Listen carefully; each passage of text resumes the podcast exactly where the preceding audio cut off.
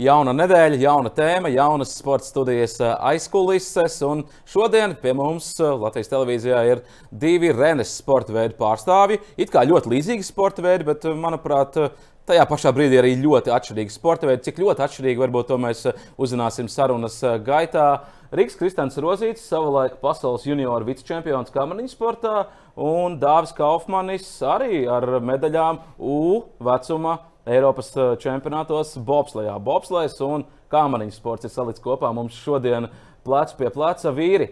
Nu, tā galvenā tēma, protams, ir Pekinas Olimpiskās eh, spēles. Jums abiem bija tāds mērķis tur eh, nokļūt. Diemžēl nesat tur.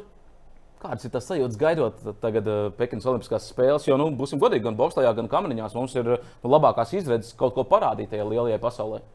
Jā, pavisam noteikti. Mērķis noteikti bija viens. Šogad bija uh, Olimpiskās spēles.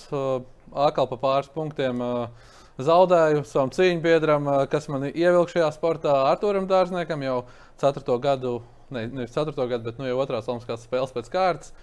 Nu, Tāds dzīvē ir uh, izvērties, bet, uh, ja godīgi, es par to visu nepārdzīvoju, tagad esmu pilnīgi citā amatā, citā amplitūnā, kā lai saka, mēģināšu izaudzināt uh, jaunos audzēkņus, eh, kuri aizbrauks uz Olimpiskajām spēlēm un būs vienkārši labāki cilvēki. Nu, Dāvid, tev tā situācija bija pavisam citādāka. Sezonas sākumā tu biji tas galvenais, otrais numurs aiz Oskara ķibermaņa, uz kuru mēs cerējām, ka jābūt, jābūt izcīnījis tās kvotas, izcīnījis tos punktus. Tā sezona tev salikās tā, ka nu, šķiet, ka negribu labāk atcerēties, cik kritieni tev bija sezonā. Jā, sezona aizvadīja, aizvadīja diezgan. Uh tāpat teikt, traģiski, ja neraksturīgi. Es pat teiktu, bija pieci kritieni. Pieci kritieni, jā, bija četri četrnieki un viens ar eh, divnieku kamanām. Bet, nu jā, tas mērķis, mērķis jau mums bija, visiem bija nolikts. Un, un redz, arī Ķīnā trases homologācija arī gāja diezgan labi, es teiktu. Un, uh, Bet eh, šajā gadījumā varbūt eh, pietrūka tās pieredzes. Pieredzes tīri vadīt četrnieku kamanas, ko varēja jau laicīgi sākt, laicīgi braukt, eh, piešaut trases, piešaut tās iemaņas. Jā. Jo, jo šajā, šajā gadījumā redz, tas bija āķis, uz, uz ko iekritu. Un, un, jā, cerot, cerot kad, kad spēšu aizvest ar sevi vēl trīs čaļus uz, uz Ķīnu. Un, un, ka viss īstenosies. Jā, tas, tas bija tāda, tāda laba cerība, bet, eh, bet nu, nesanāca jā, šoreiz. Vēl viena interesanta nianses starp jūsu sporta veidiem. To es sevis vedu pat trīs cilvēkus, es atbildīgs par viņiem. Rīka, tev ir jāatbild tikai par sevi. Man ir jāatbild tikai par sevi, par savām ragavām. Nu, protams, mēs visi esam viena liela komanda, bet, eh, kā zinām, principā tas ir individuālais sporta veids. Kā, nu, katrs cīnās par sevi, kā mākslinieks. Dāvi, nu, pirms tam braucu vairāk tikai ar divnieku. Tagad eh, šosezon bija četrnieki jātiek uz Olimpiskajām spēlēm. Uh, Nu, kā, kā mainās tā braukšana, kad tu zini, ka tas tevis ir nevis viens divnieks, par kuru tas atbildīgs, bet veseli trīs džeki. Ja tu nokrīt, tad arī viņi sastīsies. Jā, bet ja es par to domāšu, nu, tad tā braukšana vispār būs, manuprāt, diezgan tāda ne uz to, ne uz tās nots. Un šajā gadījumā varbūt, ja tiek trasa, aizvadīta trases treniņi un tu gūsi to pārliecību, tad jau arī ar četrnieku ir principā tas pats. Jā jā, varbūt sezon, aizvadot sezonu, bija varbūt nianses, kas uh, stūrēšanā sezonas laikā tika atklāts un izmainīts. Un, uh, pateicoties tam, es arī pēdējās sacensībās pasaules junioru čempionātā ieguvu zelta godalgu. Tā kā savi plusi, savi mīnusi. Tiešām var izslēgt no smadzenēm ārā to, ka aiz tevis ir trīs džeki.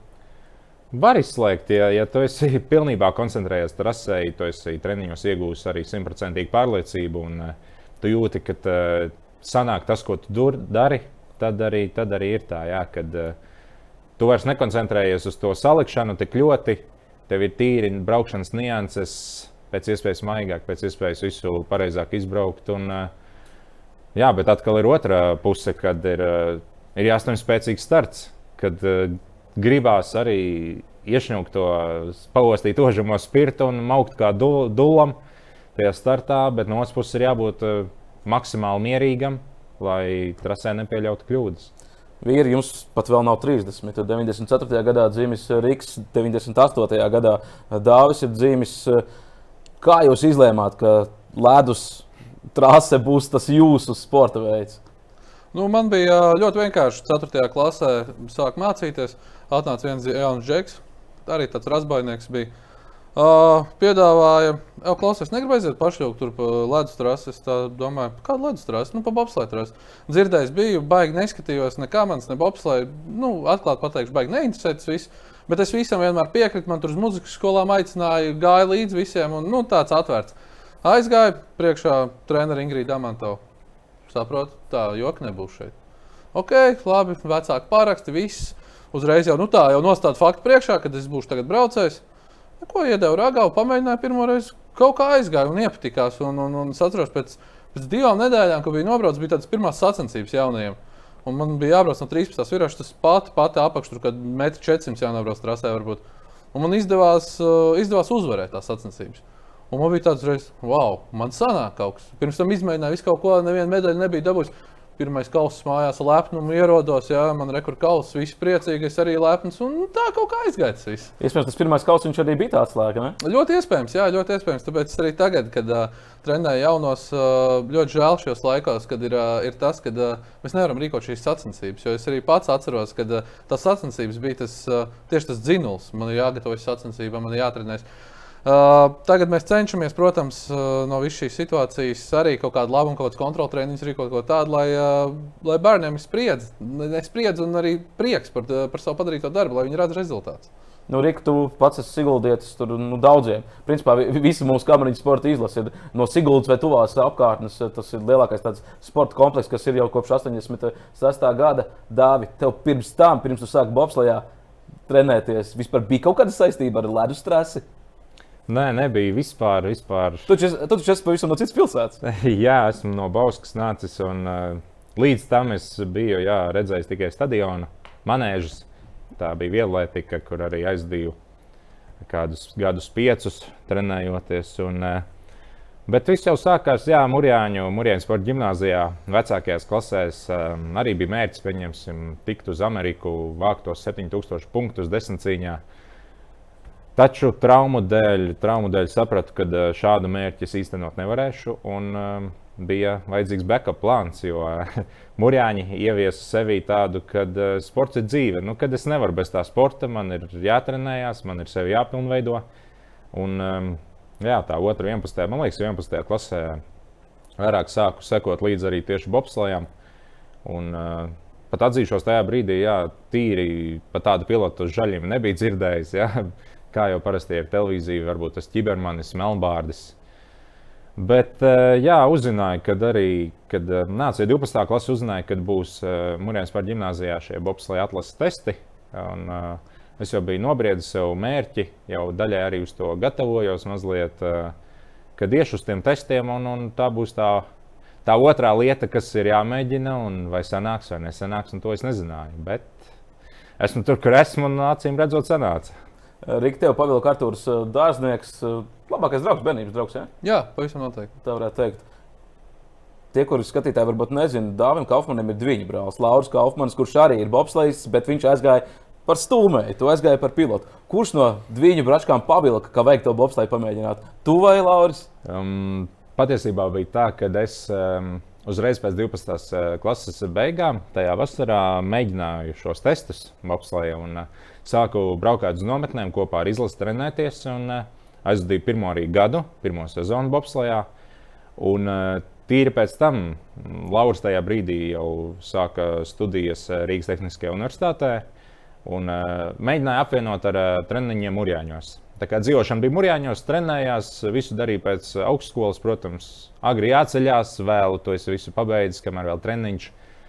Un tad es eh, centos viņu ievirzīt biji tas, par koeficientu jā, uz, uz bobsleju. Un, un pamēģināju, un arī viss sanāca. Nu, Viegli kā tev brālim pat labāk rezultāti nekā tev pašam. Viņš ir Latvijas junior rekords lodziņā grūšanā. Jā, jā, viņam ir iekštelpās lodziņā grūšanā arī jā, junioros rekords, un diska mešanā ir ārtelpās. Nu, stadionā, protams, telpās jau disku nemet. bet, jā, bet kopā ar to ar katriem šiem apbalvojumiem, rekordiem nāk arī traumas, kas viņam taisni uz eh, plaukstu, uz plaukstas saitēm atstāja diezgan lielu iespaidu. Un, uh, viņš saprata, ka uh, arī varbūt auguma dēļ, kad nāks gadi, nāks tas profesionālais līmenis, ka viņš nespēs tik augstā līmenī konkurēt ar pārējiem. Vismaz, ja skatās uz Eiropu vai pasauli. Nu, tad viņš pats izvēlējās tomēr iet un mēģināt savus ceļus bobslējā. Ir kāds ir maksimālais ātrums, kādā jūs esat braukuši lejup pa trasi ar saviem rīkiem? Man laikam būs kādi 145, 146 Vankūverā. Jā, un, un arī, un arī Stanmorits trasē ir apmēram tāda paša ātruma. Nu, Vislais trasa bija pati ātrākā, bet viņi ma ma mazliet pārtaisīja lēnāk par tās traģēdijas. Jo bija tā, ka šī traģ traģēdija, kas norisinājās 2010. gadā, vīru startu vienkārši aiztaisīja cietu. Priekšā ir liela X zīme, danger, neviens nebrauc no turienes, viņi pat nesaldē. Un mēs braucam no dāmas starta. Principā, kur, kur bija paredzēts braukt dāmām, divniekiem, mēs vīri brauc no turienes, tāpat 145 ātrums. Un divnieki un dāmas brauc vēl no zemākas starta vietas, kas bija paredzēts junioriem, nu, jauniešiem. Cik būtu bijis ātrums, ja brauktu no tās īstās paredzētās vietas? Nu, kā ātrākais uh, Manuēlam Fisteram pieder uh, 156, ja nemaldos, 154 km/h. Dāvi, tu vari konkrēti šādiem ātrumiem. Tā ar šo trasi laikam nevarēšu. Bet uh, pirmajā gadā biju arī stūmējis, un uh, arī Šveices, Antmorijas trasa četrnieki, kad arī jā, iet kādi 143. Nu, kā kuru, kā kuru gadu, bet uh, jā, ātrumi, ātrumi ir lieli. Salīdziniet, man kā cilvēkam, es vienreiz esmu nobraucis lejup pa trasi. Mikls ar kipos mani izvizināja. Man tās sajūtas bija tādas, vienkārši no dāmas starta mēs braucām, kur arī divnieki startēja Siguldā. Pirmajā virāžā man galva nosit lejā, un nu, tas tā, tā arī nevarēja vairs piecelt trasē. Salīdziniet to ātrumu, ka tu, piemēram, brauc ar mašīnu. Nu, daudz bijuši Eiropā, tur arī pa Vācijas autobāņiem arī var braukt uz 160 km/h, varbūt pat ātrāk, ja vēlaties. Salīdzini, tu esi kamerās, apkārt tev ir betons vai arī mašīnā pie stūres. Nu, pavisam elementāri brauc uh, pa Vācijas autobānu 140, izbāz galvu ārā pa logu, paskaties, un tad tu jutīsi.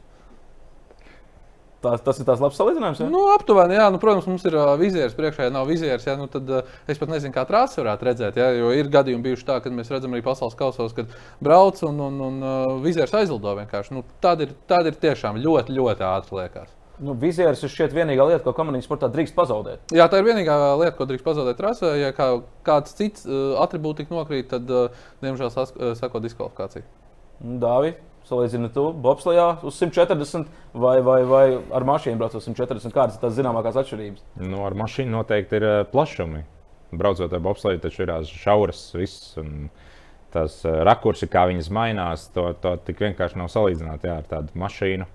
Bet uh, kamanās arī ir stūre. Varbūt viņa nav apaļa, bet viņa ir uz svirām. Un, nu, var stūrēt, var arī, var mēģināt izvairīties vai braukt, nedabūt kādu bortu. Tāda stūrēšana, kā princips, arī ir diezgan līdzīgs, es pat teiktu. Es mēģināju uz kamanijām nobraukt. Nē, esmu. Un to ar bobslēju? Diemžēl nē, es pagaidām.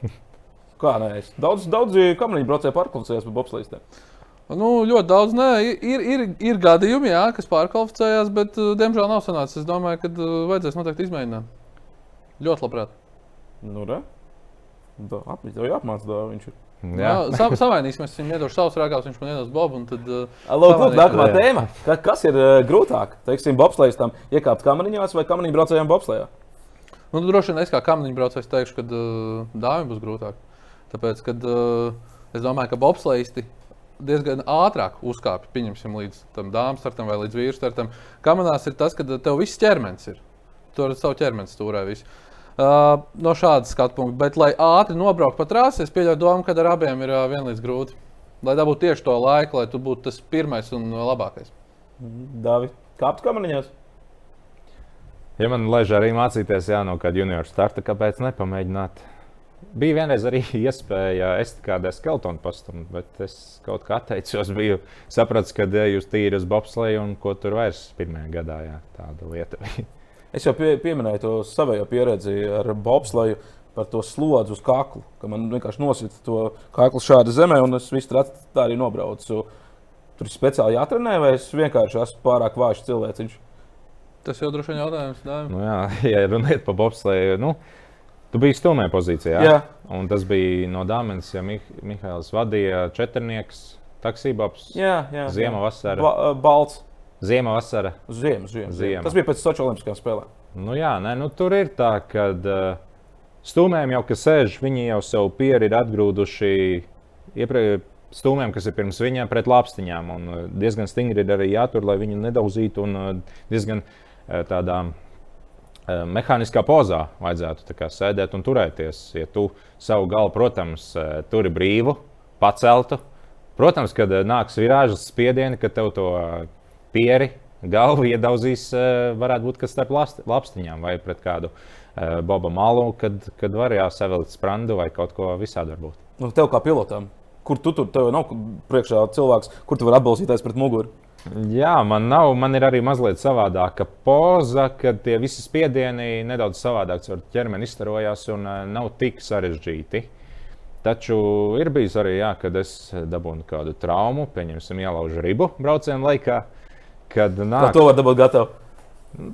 To mēs varam pēc tam parunāt. Bet, jā, kad es esmu ielauzis ribu un kad viss ķermenis, pieņemsim, ir sāpēs. Un, nedod Dievs, vēl Siguldas trasē trāpās 16. virāžas ieeja uz vēlu tad vienkārši aizrauja tā, ka man arī vairs sprandu nevar noturēt un galva vienkārši aiziet. Aiziet debesīs, un at, kad atvelc viņu atpakaļ, to tāpēc, ka tu esi jau virāžs vidū. nu, kad, kad eh, nav tik vienkārši jā, jā, redz, noturēt, un, um, ja pieņemsim, runā par Altenbergas trasi, kas ir viena no sarežģītākajām Eiropā, tādas pārējas, kas ir vienkārši 13. vai 11.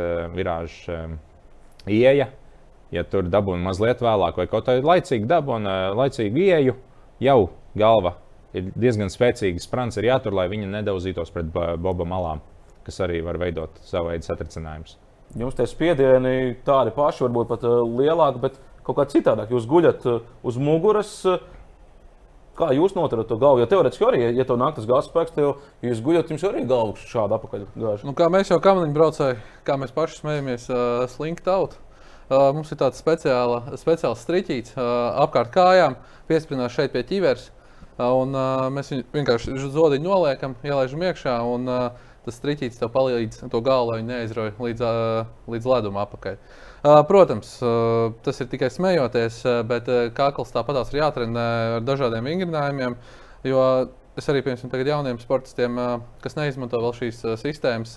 Viņi saka, nevar noturēt galvu. Es saku, tieši tā, ir jātrenē, lai tu varētu vispār pat trasi nobraukt. Ir jāiegulda darbs, lai varētu to trasi nobraukt. Liekas, ka apsēties ragavā, nošļūks lejā. Viss būs kārtībā, bet tāpatās visi šie spiedieni iedarbojas. Un kaut kā vienkārši apguļamies gultā, paceļam galvu un noturam to minūti. Jā, bez spiediena jau, jau, jau būs grūtības. Tā kā, nu, ir, ir tiešām tas ir diezgan liela piepildprasa. Nu, profesionāli, kā, kā jūs trenējat to sprānu kaklu, lai varētu noturēt? Uh, ir, ir dažādi vingrinājumi. Pieņemsim, uh, atceros, agrāk Mūrjāņos bija tāds atlases vingrinājums, kad uh, iekrināja 10 kg ripu.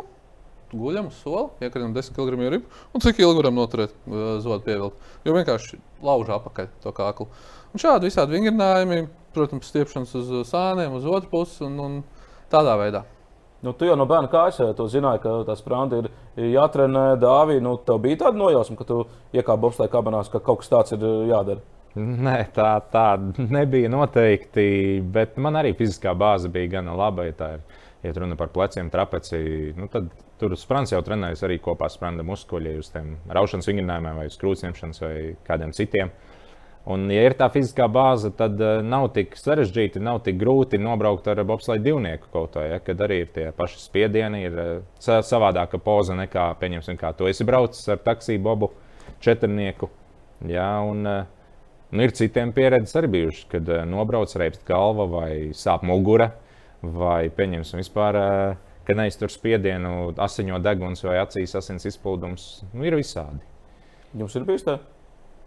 Man ir bijis tā, ka uh, Siguldā 15. virāžā tas tāds klasiskais gadījums, kad uh, tā karabīna kaut kur pazūd. Tā, tā ir tā virāža uzreiz pēc garās taisnības. Jā, jā, tā pašā lejā ir lielāko spiedienu, kas mums Siguldā principā ir. Un tad tā karabīnīte pazūd, un tu, tu, esi, tu esi tā skaisti atlaidies un iebrauc tie 15. un galva vienkārši pret ledu. Nu, tad, ja tu neizpildi tās darbības, kas tev ir jāizpilda, ka tev galva augšā, nu, tad sako kritiens, protams. Ja tu, ja tu norientējies, vēl saproti, ka ir virāža jāpietur, gals ir jāizstrādā virāžā, tad viss ir kārtībā. Bet jā, jā ir, ir gadījies, protams. Un uh, agrākos laikos, kad Kēnigs strāsts vēl nebija pārveidots gadi desmit atpakaļ. Uh, lejā bija 16. virāža, un uh, tur ar visām karabīnām, ar pilnīgi jebko, uh, brauc kā tu gribi. Uh, Galva vienmēr ir principā šādi atvilkta. Jo nu nevarēja arī lielie džeki, stiprie, visi Alberts Zemčenko, visiem, pilnīgi visiem. Uh, vīri, bobslēgs un kamaniņu sports savā starpā konkurē. Gan uh, par finansu līdzekļiem Latvijas sporta vidē, gan arī dzirdēt dažādas stāstus, ka kamaniņu braucēji pa bobslēgiem domā tā, ka ah, jūs jau tur divu gadu laikā mierīgi varat līdz Eiropas, vismaz Eiropas čempionāta medaļām izaugt. Bobslēgs atkal saka, ah, nu kas jūs kamaniņu braucēji pa sportistiem esat? Ja? Jūs jau tikai tur ar savām rociņām kaut ko tur atvēzēties, apguļaties un nobraucat lejā. Savā starpā jūs pavalkat viens uz otru šādā veidā uz zobu, vai tā ir taisnība, ka nu, realitātē varbūt arī varbūt ne tagad, bet senākos laikos varbūt bija šādi mazi konflikti, ka viens otru domāja, nu tā šķība atskatījās. Es nezinu, varbūt, uh, varbūt tiešām kāds atsevišķs tiešām tā domā, jo ir bijuši uh, runas, nu, kā var iesaistīties uh, bobslijā. Ja? Un reku pēc četriem gadiem gan īsti esi labi olimpiskais čempions. Es nesaku, bet pasauli, pasaules kausā brauc pa trīnieku. Ja? Nu, Kamaniņu sportā mums šādu piemēru nav. Neviens četru gadu laikā nav izaudzis no, no pašas apakšas līdz pašai augšai. Neviens. Uh, var, varbūt tieši šādā ziņā, bet es domāju, ka tagad tas līmenis ir tik ļoti audzis gan bobslijā, gan skeltonā, gan kamaniņu sportā, uh, kad uh, nu nevar, nevar arī četros gados uztaisīt uh, olimpisko čempionu. Un to mēs redzēsim ķīnieši, ko, ko darīs Pekīnā. Jā, tieši tā ļoti labs īstenībā piemērs, kad uh, redzam, ka uh, skeltons, skeltonam bobslijā nu, tomēr ir nedaudz konkurētspējīgi ķīnieši. Skeltonai tīpaši, kamaniņu sportā nu, viņiem ir tālu. Viņiem ir ļoti tālu līdz uh, elitei. Dāvi, tavu argumentu aizstāvot bobsleju? Um, nu, tur ir specifisks jautājums, jā, jo, lai būtu stūmējs, nav vajadzīgi tik lielas tādas uh, iemaņas, trenēšanas, um, lai tiktu no tāda zemā līmeņa līdz pasaules kausu kopvērtējumam vai kaut kādām uh, top 3 vietām. Ja tu esi fiziski spēcīgs, ātrs uh, un vari, vari iestumt, Tad tādas nianses, kā ielikt uh, bobā, ātri sasaisties. Uh, Tas ir, tas ir tāds nianses, mazas nianses, ko, ko var jau pirmajā gadā, pirmajā, otrajā gadā jau ļoti labi apgūt. Un uh, būt, jā, par cik pilotam visticamāk ir pieredze, viņš brauc, vai, viņš jau ir ar kaut kādiem saviem sasniegumiem, ar jaudīgu startu, ar gana labu tehniku. Šo piedestālu jā, var, var nopelnīt. Un, kā saka, šajos četros gados jā, no, no zem, zemajām vietām, kaut kā Eiropas kausā uzkāpt līdz pasaules kausa top vietām, ir iespējams. Nu, Rīgas teica, ka viņš labprāt pamēģinātu bobsleju. Viņš nekad to nav darījis. Cik ilgā laikā? Ja viņš pieņemsim, mēģinātu pārkvalificēties par stūmēju, viņš iemācītos, piemēram, četrniekā sasēsties. Cik ilgu laiku tas aizņem? Nu, Četrniekā sasēšanās tur jau visus uh, sākuma aspektus un nianses iemācās tieši Siguldā ledus estikādē. Nu, šogad mums bija arī jā, Rīgas Dāngas stadionā. Vecā estikāda, seguma estikāda. Vēl pēdējo gadu, ja? Kas to lai zina, to tad jau redzēs, kā tur būs. Bet jā, šo salikšanu tad ir sausie treniņi, kur pašā imitē šo salikšanu uz vietas. Ja? Stūmējam tas ir diezgan tāds biežs, biežas darbības, jo ir tā, ka par cik mums nav to stūmēju tik daudz, Ja nu vēl, nu, protams, ņemot vērā traumas vai kaut kādus gadījumus, kad kāds iziet no aprindām, tad stūmē maina savas pozīcijas. Kāds nav pieņemsim, bijis četrnieku ekipāžā ar tādiem, tajā no labās puses, vai kāds no kreisās, vai kad vienkārši jāliek cits cilvēks iekšā, kad vajag zināt, kā tas sastāvs saliks. Un tad jā, veido taisa šos sausos treniņus, kad viņi viens pie otra pieroda cik daudz kā kur sēdēt, cik ātri katrs salec, cik katram vajag soļus laiku. Uh, nu, tad jau tas viss jāizteno uz ledus. Ir, jā. Jā, man droši vien vienīgais būtu tas, ka, uh, ja es mēģinātu būt stūmējis, tad droši vien varētu vilkties aizmugurē visiem džekiem līdzi, jo droši vien līdzi vispār netiktu šiem sprinteriem visiem. Nu, vēl, vēl viena tāda tēma. Kā jums, komunīm braucējiem, ir ar tādiem sprinta vingrinājumiem vispār? Uh, nu, mums ir ļoti daudz. Mums ir tagad uh, fiziskās sagatavotības treneris Mihāls Arhīpovs. Uh, ļoti daudz trenējumu sprintus, bet nu, nesalīdzinām. Tas ir uh, diena pret nakti. Es domāju, sacenstos arī pilnīgi jebkur bobslēgs tur būtu. Nu, vienos vārtos, pilnīgi. Labi, mums ir tur daži labi sprinteri. Tur Mārtiņš Bots, jā, tur varbūt varētu pacīnīties. Tur nezinu, kaut kur tālumā redzot viņus, jā, bet man noteikti nekāda varianta. Un tev arī starts, kam viņam braukšanā bija tas klupšanas akmens. Varbūt arī tur tā sāls ir, ka nu, vajadzēja uh, ātrāk domāt, vai varbūt nepareizi vienkārši strādāji, vai vienkārši mēģināji nu, savā karjeras sākumā, arī kad tu pa pasaules junioru vicečempionu kļuvi tīri izbraukt ar savu talantu? Uh, jā, es uh, īstenībā tam nevaru nepiekrist. Jo, Uh, šī visa trenēšanās un visa ir jāsās arī pret, pēc cilvēka fizioloģijas. Ja? Man šī fizioloģija nav tā pati labākā, un uh, Es ieguldu ļoti lielu darbu, bet uh, ļoti maz tas atmaksājas. Tā tad ir jāstāda programma tieši, tieši tam cilvēkam. Un pirms tam tas bija varbūt tāds kā klupšanas akmens, tiešām, kad, nu, kad uh, strādāju ar visiem kopā, darīju visu tā kā visi. Bet uh, tieši individualitāte, tieši individualitāte tajā visā, un lai tu nepazaudē to brīvumu, bet lai tu esi arī spēcīgs startā. No skatāmies, kā Kristers aparjots. Ja? Nu, labi, viņa fizioloģija ļoti laba, 110 kg, bet šogad nu, top 3 starts pasaulē. Smagākais uh, kamniņu braucējs ar top 3 startu. Nu, tas, tas ir arī tas rezultāts. Ja Mikls ar, ar Hipos būtu ātrāk atnācis, kad tu vēl biji juniors, nu, es domāju, ka tu būtu pavisam cita veida vecs startā. Es domāju, ka jā. Es domāju, ka jā ka nesakrīt laika. Ne? Protams, jā, bet arī visādas apstākļu sakritības tāpatās. Nu, viss, viss varbūt arī tieši tāpatās kā viss dzīvesveids, viss pārējais. Nu, tu saproti to ar laiku. Ja es saku, ja es 18 gados būtu domājis, kā tagad, ja, es būtu varbūt čempions, ja, bet es domāju savādāk. Un tieši tas jau arī maina to visu. -hmm. Nu, šobrīd sacensības notiek bez skatītājiem. Daudz jau pats teica, ka, nu, cik, ka braucot pa lielu ceļu, tur ir viena josla, otra josla, trešā josla, jā. varbūt pat reizēm ceturtā josla. Bobslēgā tev ir šaura, šaura renīte. Jūtas skatītājs, nejūti tagad ir citādāk braukt, ka nu, tomēr lielākā daļa sacensību ir bez e, šiem skatītājiem. Noteikti ir klusāka nekā tas bija ar skatītājiem. Varēja pat jā, redzēt kaut kādus karogus. Un, uh, ja runa iet par Sigūdu, tad vispār kā ir taisna pēc 14. virāžas, tad tur to visu jau var redzēt, cik daudz stāv uz tā laukuma un, un cik daudz ir atnākuši atbalstīt. Eh, bet pašā ir startos, ir tomēr arī tie paši sportisti, varbūt eh, dāmas, kas ir jau citas, citas dienas, jau, ja ir runa par četrnieku mačiem, jau pabeiguši savus eh, disciplīnas. Vismaz agrāk tā bija. Šobrīd ir, jā, kad ir varbūt mono un tajā otrdienā četrniekiem ir divnieki. Uh, Bet, kad atbalsta un ir dzirdamas ovācijas, un, un tas arī palīdz un iedod, taisnība, ja runa par startu. Ja nebūtu skatītāji vispār, un tādi, kas atbalsta, jā, tādā klusumā, nu, iespējams, ka būtu, ka būtu mazliet savādāk nekā tas ir bijis standartā. Mums šķiet, Dārzs nav izbaudījis kaut kādu Eiropas kārtīgu čempionātu ar pilnu skatītāju burbuļu Siguldā. Ne? Jā, nu, tev, tas, tev ir sanācis to izbaudīt. Man ir sanācis izbaudīt, jā, tas ir uh, pilnīgi savādāk, ka tu brauc un tu dzirdi. It kā tu esi koncentrējies, bet tu dzirdi, kad visi, visi bļauj un atbalsta. Un tas ir tik, tik superīgs sajūta, to pat nevar aprakstīt. Es to varu izstāstīt, jā, bet uh, nu, to nesapratīsi. Ja tu to neesi izjūtis, to nevar saprast. Uh, protams, mums tagad uh, mums jau treneri ļoti spēcīgi balsīs. Uh, Sandrs Bērziņš, Kristaps Mauriņš, jā, visi treneri. Startā tieši starta ieskrienā kliedz, un tagad arī citas komandas pārņēmušas no mums. Bet, principā, man liekas, mēs tieši latvieši sākām to, kad tieši tie starta ieskrēja, nevis ieskrienā, bet iestūmienā, jā, kad, kad bļauj un, un, un atbalsta. Un liekas, kā nu, uzreiz pienāk tie pieci zirga spēki klāt. Bet man vienkārši izbrīna tas, ko tu 140 km/h vari paspēt ieraudzīt tajā trases malā. Un tas ir viss. Viss. Viss.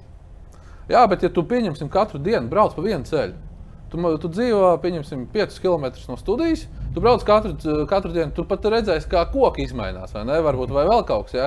un tu pamani šīs lietas. Tu visu laiku brauc, brauc, brauc, un tu pamani, viens treneris tur, treneris tur, treneris šeit. Protams, daudzreiz, daudzreiz nesanāk pamanīt, bet uh, lielos mačos viennozīmīgi, kad cilvēki pūļi gar uh, trases malu, uh, pārliekšos pārskatās, nu, fantastiski. fantastiski. Kaut kur citur vispār ir tik daudz skatītāju.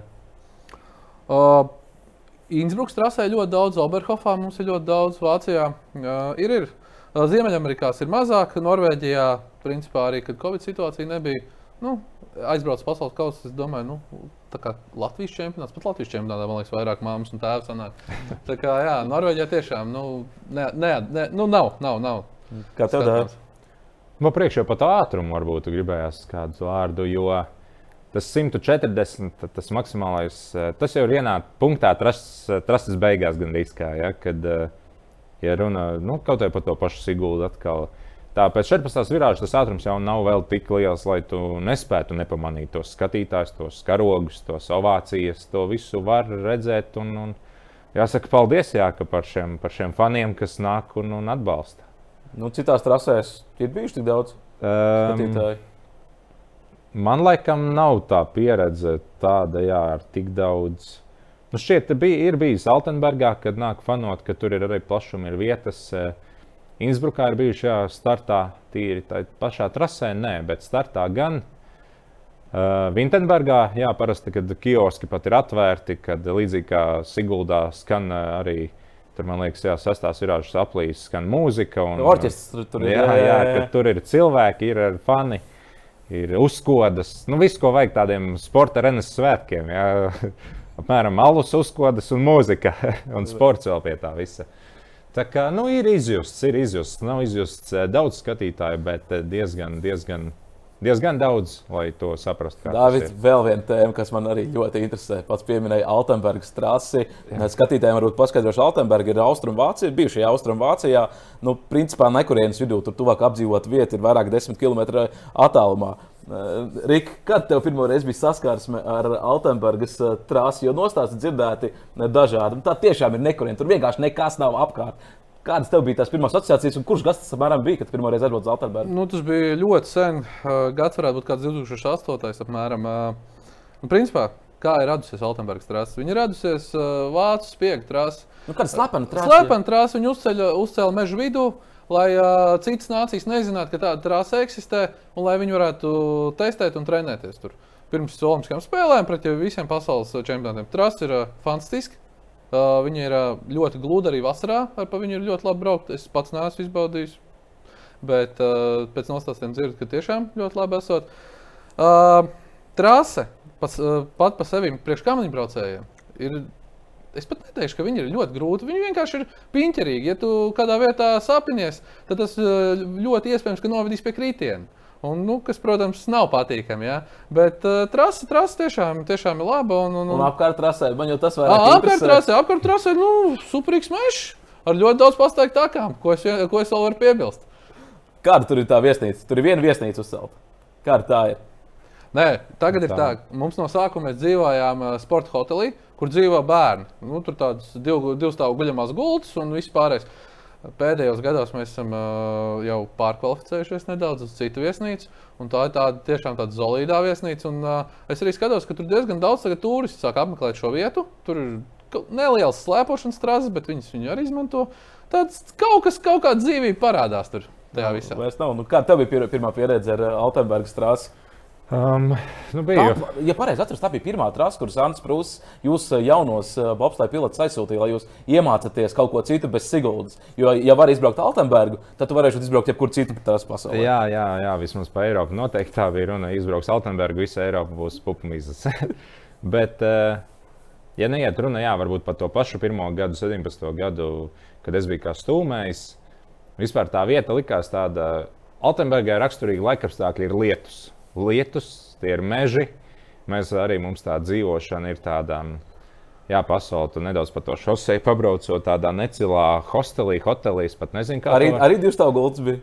Nē, divu stāvu gultas nebija, bet uh, diezgan šauras istabas, uh, vienveidīgs tāds uh, ēdiens, es pat teiktu, pusfabrikātu dažkārt lielākoties. Un, nu, ja tu esi atbraucis, jā, liekas, nevar salīdzināt, kā tu aizbrauc uz citu vietu. Un tad brauc uz Altenbergu, kad ir pašā ir lietus, tie ir meži, meža vidū ir trase. Un eh, tā visa dzīvošana arī ir tāda, jau entos gadus vienā un tajā pašā vietā. Nu, jā, ar savu, ar savu tādu motīvu, tā visa, tā visa braukšana un dzīvošana tieši Altenburgā ir. Bet eh, tajā otrajā gadā, kas bija mans pirmais pilotēšanas gads, eh, jā, Altenburga vispār man patika man patika. Neteiksim tā, ka viņa nešķita tāda sarežģīta vai, protams, arī, kad tu sāc mācīties braukt, tu pilnīgi savādāk to visu arī uztver. Tev katru dienu ir šķiet, ka pulss augšā, jo visas lietas tu mēģini izdarīt nu, pēc iespējas.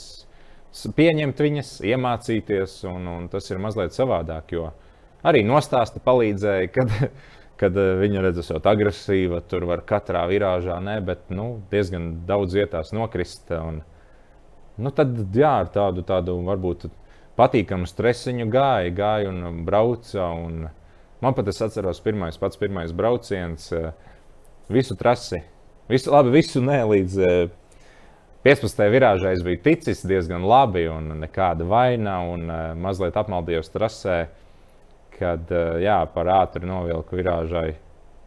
uz izēju vilku un, Rīks jau galā uz, uzcēla, ga, uzcēla, uzcēla galā gaisā un, un viss un piedzīvoja kritienu. Bet eh, pārējā nometne bija ok, un es neteiktu, ka nepatika vai neizbaudīja. Rīks jau kratīja galvu, tā ir kaut kāda klasiskā kļūda. Ja? Nu, ir, ir jā, 15. 15. virāža pati pat, pat trases lejas daļa, kur ātrums ir tas uh, labākais tajā pīķī visā. Un, ja tur sakļūdās, tad tur ir diezgan liels nepatikšanas. Ir, protams, arī citas vietas, bet uh, nu, par tām es labāk nestāstīšu. Tur, ir- tur ir ļoti skarbi. Veči, kur ir smagāk krist? Kamariņās vai bobslējā? Uh, šeit gan laikam es piekritīšu, kad uh, ka bobslējā. Es saku, ka bobslējā. Smagāk. Es domāju, ka jā. Bet viņiem taču apkārt tur viņi kamerās. Nu, jā, bet viņi tik slīd visu trasu pēc tam līdz finišam. Mēs tur apstājamies pie 50 metros. Jā, nav, nav tik vienkārši vēl dabūt ar sasist galvu tādas maziņas satricinājumu. Un Ir jau bijuši gadījumi, kad arī iedzina skrūves ceļos, kājās, vai nu, tur visādi var būt. Kā es pats minēju, arī ielauzt ribu var. Un man pat tas izstāsti, tur kritiens. ielaust, ielaust ar rību, kā tas sanāca. Jā, manuprāt, tas bija otrais pilotēšanas gads. em, Pirms pašas izbraukuma sezonas eh, treniņus aizvadījām Siguldas trasē, kad eh, arī tiku pie jaunas kamanas to brīdi. Nu, jaunākas, neteikšu jaunas, bet jaunākas. Un eh, kārtīgi nebija pieregulēts atzveltnēji, krēsla atzveltnēji slīpums. Mazliet bija pa slīpu, un uh, es aizvedu tos treniņus, vienu, otru, trešo, un sāku pamanīt, ka uh, man ir zila liesa jā, uz ķermeņa, un, un kad sāp tie sāni. Bet uh, sākumā jau es neko nesaku. Kādas trīs, četras dienas mierīgi braucu, tie zilumi ne, nemazinās. Nu, es domāju, nu, kāpēc, kāpēc tas tā varētu būt? Varbūt, ka krēsls ir pa cietu. Jo tas slīpums tobrīd nešķita, ka viņš ir eh, nu, tik slīps, ka ar to, to bobu, man liekas, bija braucis arī pilots eh, Ralfs Bērziņš. Un, eh, vai, vai Oskars Čibermans, es pat šobrīd neatceros. eh, Bet, eh, jā, un braucu, un eh, piektā virāža Siguldā-. Tā ir pati augša, jā, kad uh, mazliet ne tāda izēja, kad mani uzmet mazliet uz divām slidām, nokrīt un uzreiz iet iekšā sastāvs virāžas ieejā. Un pietika ar to, ka mazliet slīpumiņā uz divām slidām atkrita atpakaļ, un es pret krēslas slīpo malu ielauzu ribu. nu, neko, visu braucienu. Es aizvadīju, nu, kaut kā cietos sāpēs. Bet, jā, gadījās vēl 16. virāžas ieeja un vienkārši sprandu tā atlauza, kad es virāžas vidū sapratu, kad, kur es apmēram atrodos. Un, un, un labi, labi, ka tā ir, tās ir trases beigas, jo iebraucot finišā, vispār es kādu brīdi vēl sēdēju tajā bobā, nevarēju saprast, kas ir noticis. Šie sāpes bija tādas, ka ārā īsti uzreiz izlīst es nevaru. Nu, tad es izlīdu ārā, nu, un tad ik pēc kaut kādām desmit sekundēm tādi spēcīgi, tā kā smagi grūdieni, kad, kad nāks apstāties, izpūst elpu. Tad atkal uz brīdi ir labi, un tad atkal un, nu, šādi kaut kā. Kaut kā, nezinu, to bobu palīdzēja ievilkt eh, tajā busā. Nu, mums ar tiem busiem smagiem eh, ved Nu, augšā, jā, jā, līdz, līdz tras, trases augšdaļai. Un, uh, tobrīd vēl treniņš, tas jau bija, manuprāt, noslē, noslēdzošais brauciens. Treniņus, jā, kad jau ņemam bobiem slidas nost. Un, Vadošais treneris Sandrs Prūss domāja, ka varbūt ir starpribu nervs iekais. Jo bobslēgā tas arī ir bieži, kad starpribu nervi. Nu, nervi vispār, var būt- vispār ziem, ziemas sporta veidos tas ir. Jā, domāju, domāju, ka varbūt tas. Viņš jau teica, nu aizbrauc pārbaudīt. Es jau negribēju nemaz braukt. Domāju, ka pāries. Nu, aizbraucu jā, uz rentgenu un izrādās ielauzt riba. Nu, tāds, tāds tas gadījums. Džeki, kā ir pareizi jākrīt jūsu sporta veidos? I- Īstenībā mums, mums ir iegodīgi tā, ka uh, es vienmēr arī, uh, nu, nevis vienmēr, bet tagad sāku mācīt saviem jaunajiem, kad uh, ir jāgrupējas. Jo es esmu redzējis, ka uh, pasaules kausās arī izteikti meitenes. Ja?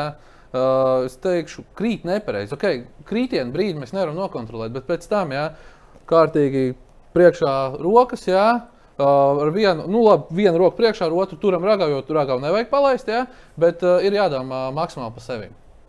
Tā kā, nu, ja tu šļūts kā pankūks, daudzies daudz galvu pret uh, bortiem, nu, tad uh, laikam kaut kas nav kārtībā. Viktorija Demčēna diezgan bieži gadās, ka viņi nesagrupējās. Jā, es, es saku tieši no pasaules kausa braucējiem vairākām meitenēm ir šis, kad, uh, ja krīt, tad, uh, nu, tad zini, kaut, kas, kaut kas jau labi nebūs. tu Tā ir panika, kas iestājās, ka tu nespēji kontrolēt. Uh, es, es domāju, ka jā, es domāju, ka jā, kad uh, it kā idejas jau tu zini, jā, to visu, kā, kā to vajadzētu darīt, bet tajā brīdī, kad tu uh, izkrīt un sāc slīdēt, uh, tavs prāts vienkārši apstājās un beidz domāt vienkārši, un viss, un tu paļaujies tas vienkārši plūst pa straumu. Mm. Tomēr vajag kaut kādu, man liekas, pašsaglabā, pašsaglabāšanās instinktu. Un, un, jā, tā kā nē, Kristī ir jāmā, jāmācās tieši tā. Dāvidi, tu esi iemācījies? Es atceros, ka pirms nu, divām, trijām sezonām tas bija. Es biju aizbraucis uz uh, Siguldas treniņu. Jūs aizvedījāt četrus braucienus toreiz, trīs no tiem nokrita. Jā, kam negadās, jā, sākšu ar to. Bet šobrīd, ja runājot par, jā, par kritienu, pilotam noteikti ir svarīgi noreaģēt. Noreaģēt tajā kritiena brīdī, kad tiešām tas kritiens ir sanācis, un paspēt arī ir tāda iespēja, kā palīdz zem boba vāka. Ja? Pilots to var paspēt izdarīt. Jo, ja nepaspēj, vai tu paliec diezgan augstu augšā, ārpus boba, boba korpusa, tad, eh, tad var dabūt jā, par, pa galvu, pa ķiveri, noplēst eh, šķiedras eh, ķiverei, un, un, un tad, tad nav labi, jo tas var beigties smadzenes atricinājumu un pat var trakāk būt. Bet, ja, ja, es, ja ir paspējis pilots paslēpties, nu, tad atliek turēties. Atliek, atliek turēties, mēģināt varbūt arī kājas kaut kā nostiprināt, ne, ne gluži nostiprināt, eh, bet turēt stingras, lai viņas arī nevadā, nevazās pa to bobu iekšieni. Jo man arī tā, ka uh, kādam korpusu skrūvēm ir kaut kādas uh, nav noslīpētas vai nav ar fleksi nogrieztas, garākas skrūves un atstāja reāli rētas. Un, nu, tas būtu mazākais atstāt rētas, jā, ja tur sasit bļodiņas vai, vai ieplaisā, nu visādi var gadīties. Cik reizes tev bija tā, ka tu brauc, tu jūti, ah, tu būsi kritiens, ielien bobu apakšā un nav kritiens? Brauc, ah, brauc tālāk. Uh, nē, tāda. tāda Raksturīga, es, protams, ka pārspīlēju. Jā, protams, līdzīgs. raksturīga līšana zem boba. Es tā parasti, parasti nedaru. Es esmu, mēs tāpat piloti mēģinām sēdēt diezgan zemu. Ja tas kritiens nāk, nu ir bijis, jā, jā, ka jūt, ka tulīt būs. Mazliet varbūt jāpalien zemāk, bet tajā pašā laikā, jā, ja varbūt tas ir bijis tikai uz divām slidām vai, vai kad tur nav bijis tas kritiens, tad uzreiz ir tu, lai tu spēj vadīties un braukt tālāk to trasi. Nav jau jēga domāt, ka būs kritiens. Tu pat vispār nav jēga sākt braucienu, ja tu domā, ka būs, būs kritiens. Ja, ir... Bet, ja, ja, tu, ja tiešām ir tāda situācija, kad nāk uz divām vai kaut kā tam līdzīga, jā, mazliet var būt, ieslīdēt beņķī iekšā, bet uh, uzreiz būt ar fokusu un uh, turpināt trasi braukt. Nu, Rika, tev ir lielāka braukšanas pieredze. Cik reizes tev bija tā, ka, oi, oi, oi tūlīt būs, tūlīt būs, un beigās kaut kā izglābās. Un, un, izglābēs, un ko tajā brīdī tu dari? Tu vairāk domā par to sevis sagrupēšanu, vai tu vairāk domā nu, kaut kādā veidā izmainīt to trajektoriju, lai tomēr nebūtu tas kritiens? Nu, pavisam, tā pirmā reakcija. Jā, pavisam noteikti otrais variants. Jā. Uh, ļoti klasiska kļūda. Droši vien skatītāji arī redzēja, mans uh, noslēdzošais brauciens pasaules kausos. Jā. Nu, gribēju atzīmēties tā kārtīgi. Ja, un uh, 13. virāžā redzējāt, ka uh, pirmais lokus ļoti augsts bija. Uh, iekritu pa vidu iekšā un cēlu vēlreiz augšā. Un jūs redzat, jau, jau rokas jau vēl kā ārā. Tas ir tas pirmais. Tu velc rokas ārā. Kad tu, vairs, nu, kad tu zini, ka būs kritiens, tu velc rokas ārā. Uh, ir bijis arī tādas situācijas, kad uh, tu jau velc rokas ārā, bet tomēr kaut kā pāriet pāri. Ja? Jo tas, ir, tas ir pats pēdējais, ko darīt, izvilkt rokas ārā, un tad jau, tad jau sākot tikai kritiens. Ir bijis tā, ka, protams, uh, Liekas, liekas ka būs tūlītās krītiens, rokas tu esi izvilcis, pārmet otrajā virāžā, aha, apakaļ iekšā, aizbraucam tālāk. Nu, tā, tā ir gadījies. Kāda jums aizsarga? Mums, uh, mums absolūti nekāda. Jūs braucat 140 km/h bez nekādiem aizsargiem. Jā. Kā jūs nedabūjāt zilums, ja gadījumā ir kritiens? Uh, nu, dabūjām, jau, protams, nu, ledus jau slīdē. nu, jā, bet ledus jau ir kā smilšu pieci. Nu, protams, jā, es jau, es jau, es jau smējos. Nu, apakšā termoveļa, un tas ir, tas ir arī palielam. Viss varbūt kādreiz kāds treniņiem uzvelk šeit tādus roku sargus jaunajās trasēs tīpaši, bet palielam nē. Nu, divnieku, divnieku braucējiem uh, tas redzējuši, kad uh, augšējiem tieši rokas ne, nedaudz bišķiņā ārā virs tā apcētā. Nu, tad uh, viņi varbūt uzvelk, bet man liekas, sacensībās baigi ar neviens nevelk. Dāvi, kādi jums ir aizsargi? Nav. Vienīgais efekts ir ķiveri. Jā, nu, varbūt cimdus vēl vēl, bet tas vairāk ir pret augstumu. Um, bet uh, atceros pirmo gadu, biju stūmējis un uh, Siguldas trasē. Nevajag jau nemaz kritienus. Tīri sakarīgs brauciens, varbūt uh, nedaudz asāks pārējais. Un uh, tobrīd jau man bija viena alga. Sēdos un braucu. Ja stūmu sēdos un braucu, bet uh, nobraucu treniņu un uh, pēc katra treniņa ir četri zilumi vienās un tajās pašās vietās uz kājām, kad, kad kājas pieņemsim daudzas pret rāmi. Nu, tur nemaz nevajag. Labs brauciens bija. Labi, jā, izšūpināja trasi, viss, viss kārtībā, bet, bija tāda raksturīga, jā, katru, pēc katra treniņa četri, četri zilumi. Nu, tagad jau domā savādāk. Tagad uh, stūmēji uzlīmē kaut kāds polsters rāmja vietās, jo rāmis jau nav visiem bobiem apaļš iekšpusē. Ir četkantaini un ir visādi. Mm. Bet, jā, es domāju, arī Rikam, ka uh, nevajag jau kritiem, lai dabūtu zilumus. Mazliet pieķer pie kāda borta asāku izēju un, un, jā, pavisam noteikti. Un, un viss notiek. Mums arī uh, šī problēma ir, ka mums ir asie pingvīni, saucamie nadziņi, ko mēs atceramies startā. Uh, nu, ja roka tur nav uztaisīta tā, perfekti priekš tevīm, un arī ja ir uztaisīta perfekti dažreiz uh, šeit, uz ciskām, tieši vienmēr ir uh, tāda saskrāpējuma. Un, uh, es zinu, divus gadus mēs ar Arturu par šo cīnījāmies, kad tā, kad beidzās sezona, vēl pusotrs mēnesis.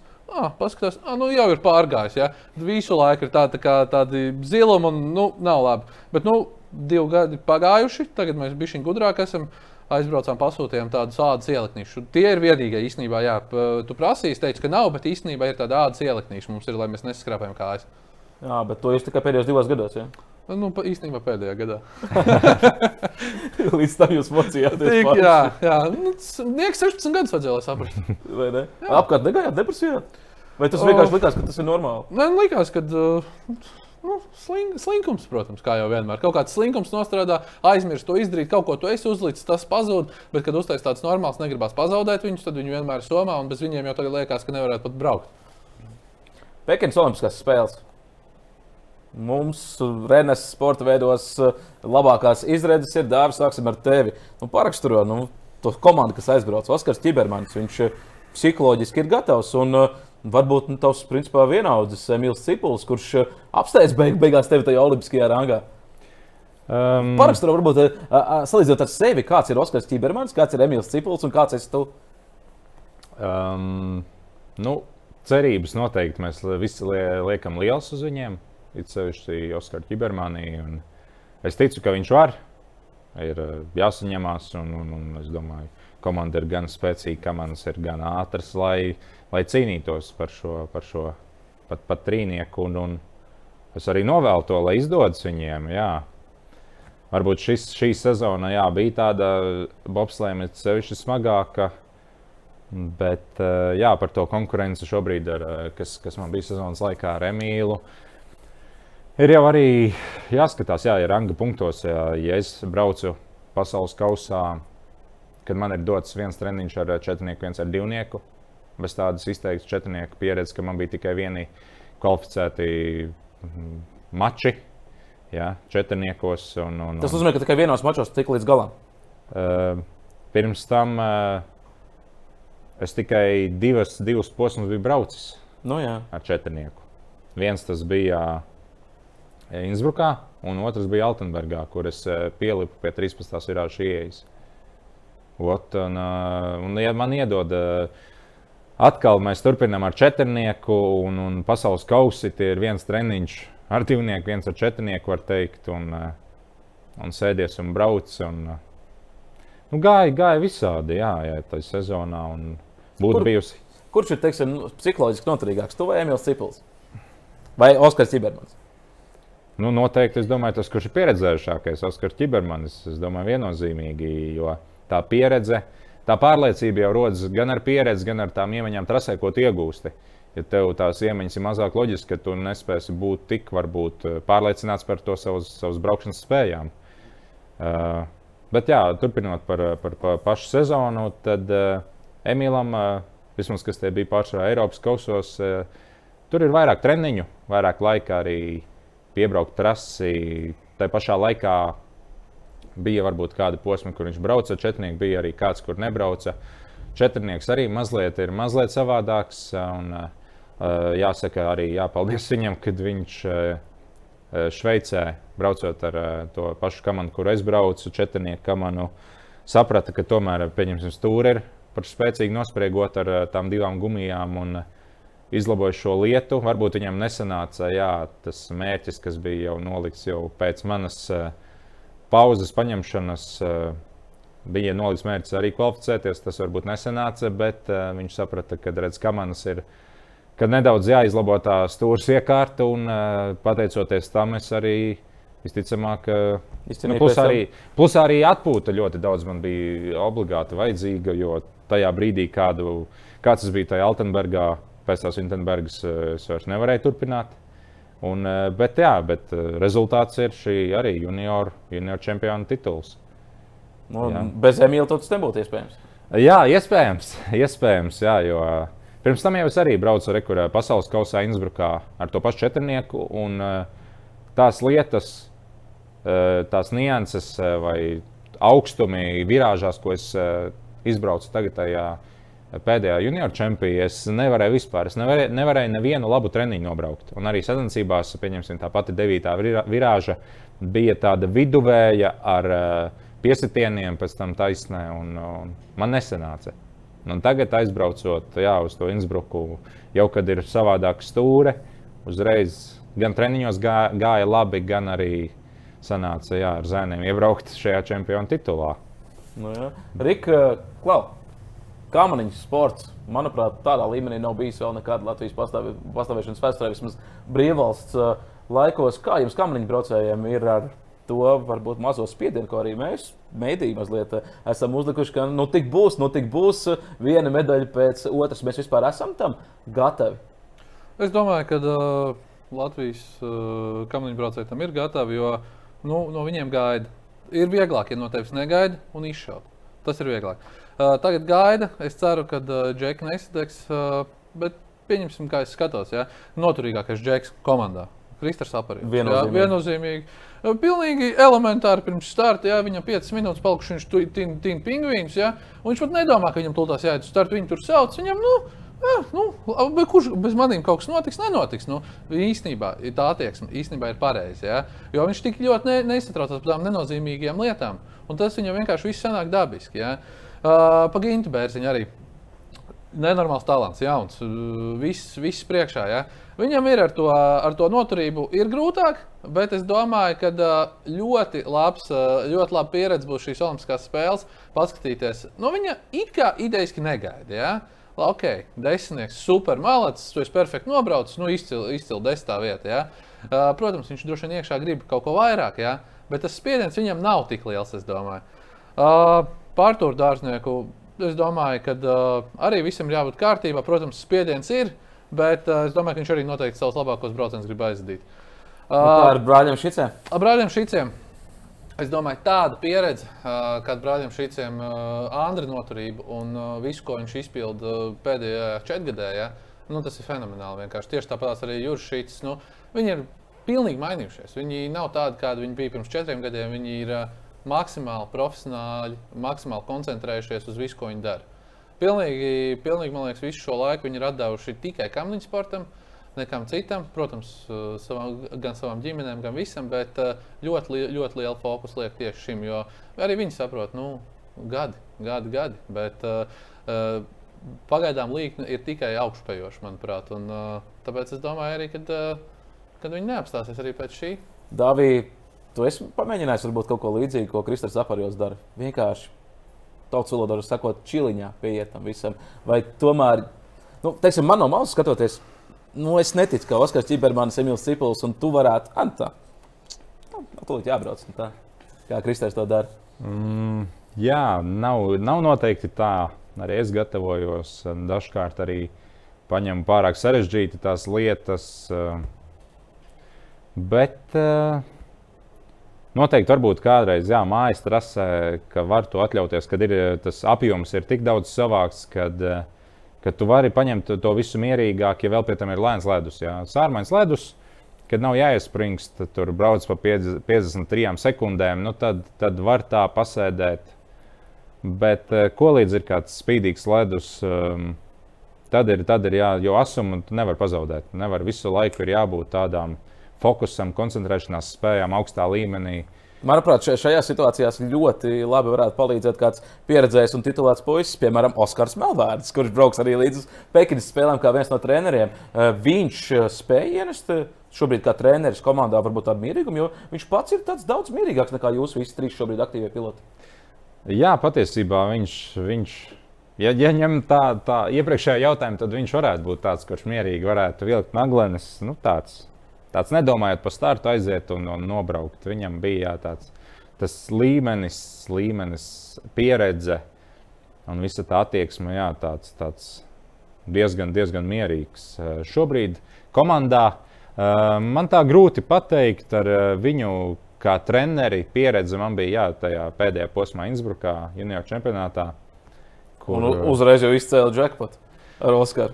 nu, izcēlām jackpotu, jā.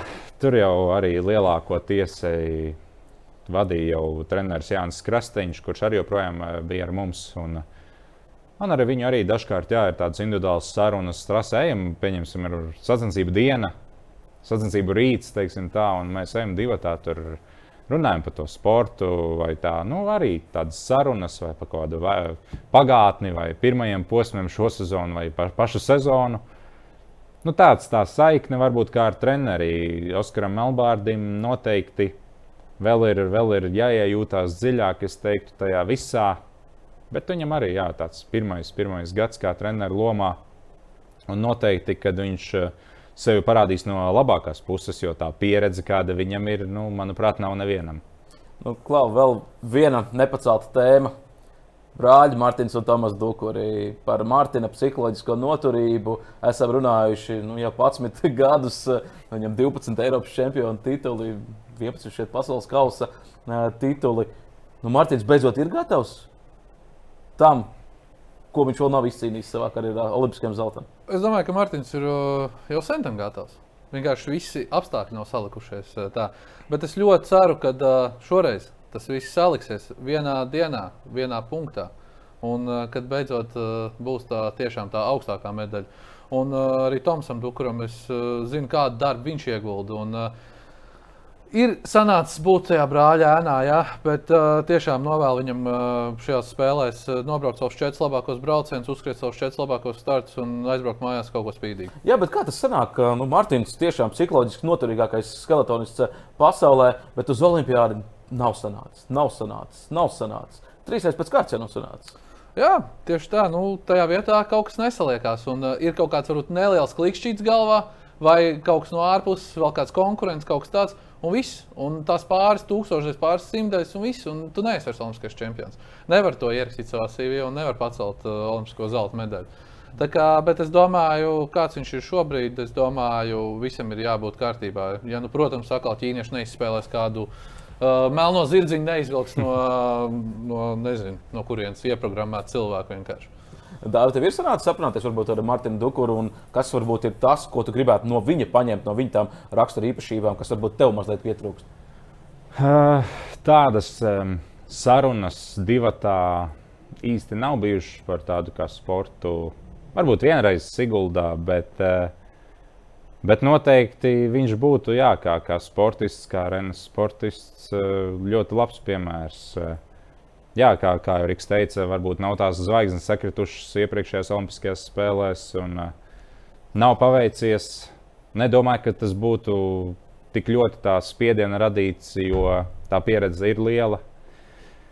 Bet, jā, nu, ko es varētu no viņa paņemt, tas arī ļoti labs jautājums. Varbūt es viņu nepazīstu tik uh, personiski, viņa tās rakstura iezīmes, uh, bet arī jā, to nosvērtību, pārliecību, mierīgumu. Tas jau tādas rakstura iezīmes, kas ir taisnība nepieciešamas, ja, ja runa par pilotu. Jā, jo, jo no vienas puses, tu vari būt jā, jaudīgs, spēcīgs un ātrs un, un, un, un stumt no visas sadeves. Un, kā jau minēju, no otras puses ir jābūt eh, maksimāli mierīgam, simtprocentīgi pārliecinātam un eh, jāiet ar augstāko atdevi trasē. Rīk, to vispār karjeras laikā var iemācīties šādu veidu rakstura iezīmes, būt pārliecinātam par sevi. To Es domāju, ka jā, jo pieņemsim arī braucot pa trasi, kad, kad tev sanāk. Tad tu esi pārliecināts. Tiešām, nu, ka tu vari. Nu, es taču vakar nobraucu. Viss bija kārtībā. Kāpēc lai šodien nenobrauktu? Ja? Uh, problēmas sākās tad, kad tu piemēram pirms sacensībām izkrīt. Kad nu, piemēram, trīs brauciens no pieciem. Ja? Un tad sāk likties, ka tev pašam kaut kas nav kārtībā. Ja? Un tad sākās šī šaubas, mētāšanās. Tāpēc uh, arī ļoti svarīgi ir uh, pirms tam diezgan labi visu aizvadīt, lai viss ir forši. Uh, Protams, ir arī cilvēki, kas uh, krīt visu laiku treniņos un sacensībās atnāk un tš, paldies, un pirmā vieta un uz redzēšanos. Jā, bet uh, man personīgi ļoti palīdz tas, kad ir konstanti labi treniņi pirms sacensībām, un tad es jūtos par sevi pārliecināts. Nu, paldies, Vīri, jānovēl gan jums. Labas, konstantas, labas treniņus tev jaunajiem bērniem, kurus tu, tu tagad virs kameriņa sportā. Tev noteikti arī vēl treniņos jāpastrādā gan šosezonā, gan nā, nākamajā sezonā, Dāvi. Un, protams, arī mūsu sportistiem Pekinā, jo pirmie eh, treniņu braucieni jau ir notikuši. eh, Jan Ziņas eh, šajā te olimpiskajā trasē, kameriņa braucēji jau ir tikuši pie šprices. Cerēsim, ka būs arī tur labi veiksies. Un vēl viens īsts jautājums. Cik medaļas mums būs no Rēnas sporta veidiem? šajās? 4 plus. 4 plus. Dāvi? Es teiktu, 3. Plus. 3 plus. Nu, tur esam jūs pie vārda. Un tur ir vīks par mūsu Latvijas sportistiem. Eh, Tūdaļ pats jau piekdienā jau atklāšanas ceremonija. Mm, Šajās Pekinas Ziemas Olimpiskajās spēlēs, tā jau arī divu nedēļu garumā, pat vairāk nekā divu nedēļu garumā, arī visi šie olimpiskie sporta veidi un olimpiskie sportisti radīs, radīs visu, ko viņi ir iemācījuši eh, savos četros gados. Sporta aizklūs ar to arī beidz šo te Interesantu sarunu, Džeki. Man liekas, ka mums būs jāsteigās vēl arī pēc Olimpiskajām spēlēm, jo e, tiešām ir vēl vairākas tādas niansītas, kas noteikti palika vēl neizrunātas. E, Mēs e, noteikti strādāsim, lai arī nākamnedēļ būtu jauna tēma, jaunas sarunas un jaunas sporta studijas aizkulisēs. Vislabāk!